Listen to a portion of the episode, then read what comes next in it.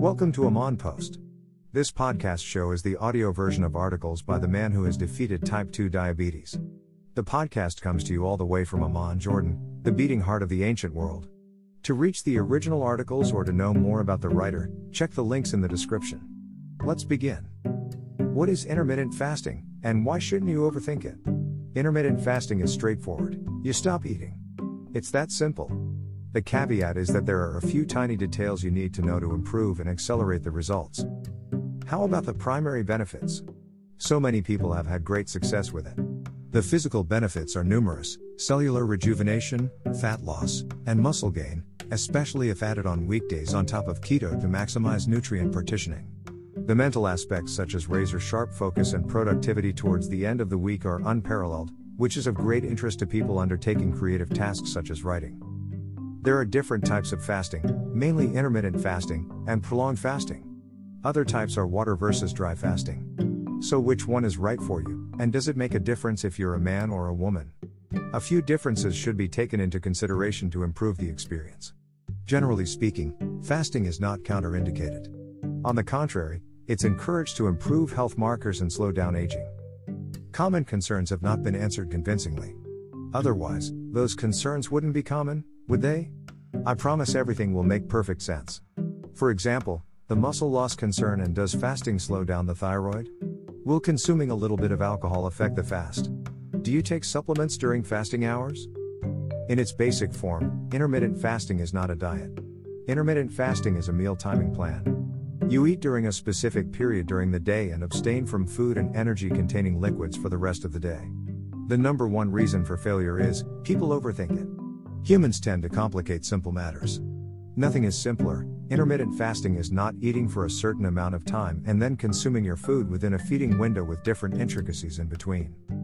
The physical benefits are the main reason people are attracted to intermittent fasting. The physical benefits include fat loss, maintaining, gaining, muscle, and increasing muscle tone and muscle density. Improving vascular function is a rarely mentioned physical benefit that enhances every aspect of your health. Skin and appearance in general, nails, hair all improve as nutrients partition more efficiently to tissues. Most physiological benefits are derived from the release of catecholamines, namely adrenaline and norepinephrine, which allow for the mobilization of fat stores and muscle preservation. Going for an extended period without food results in a metabolic switch that allows tapping into fat reserves. A natural state that modernists rarely get into. The hormonal environment that prevents access to stored fat is turned down. Instead, the entire system goes into the natural survival mode. It sounds scary when put in those words, but it's the favorable state that we're designed to operate best at.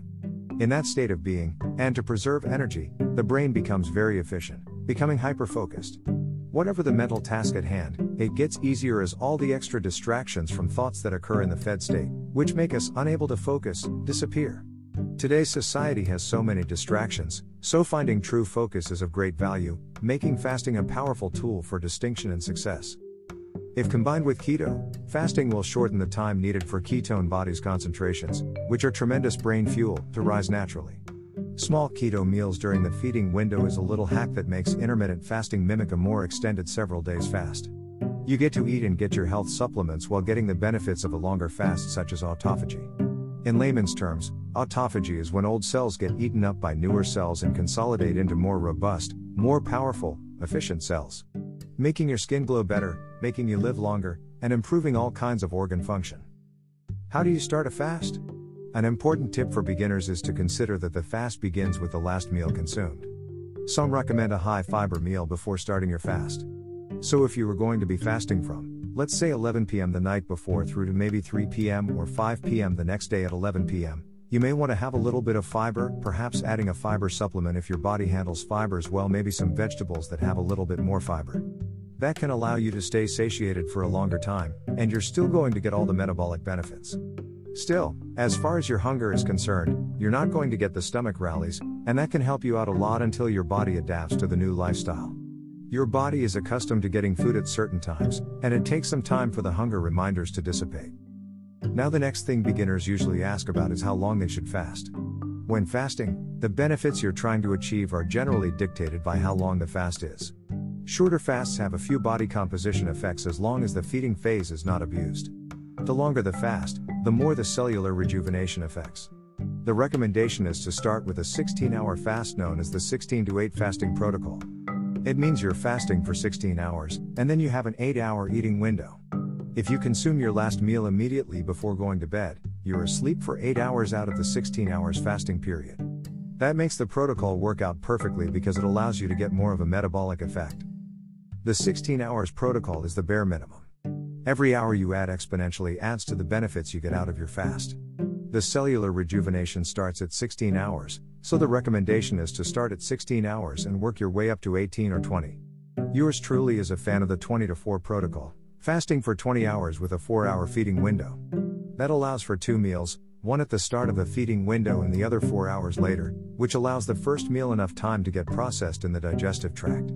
The supplements that I recommend with first meal will be available for cells to create enzymes and cellular structures, and you'll get all the benefits from the macronutrients in the second meal. It becomes easier and easier until it becomes a part of you, your natural state. Many studies were performed on the every other day fasting protocols, mostly on lab rodents, which proved very beneficial in terms of life extension and metabolic health, which is another option, at least to start your journey with.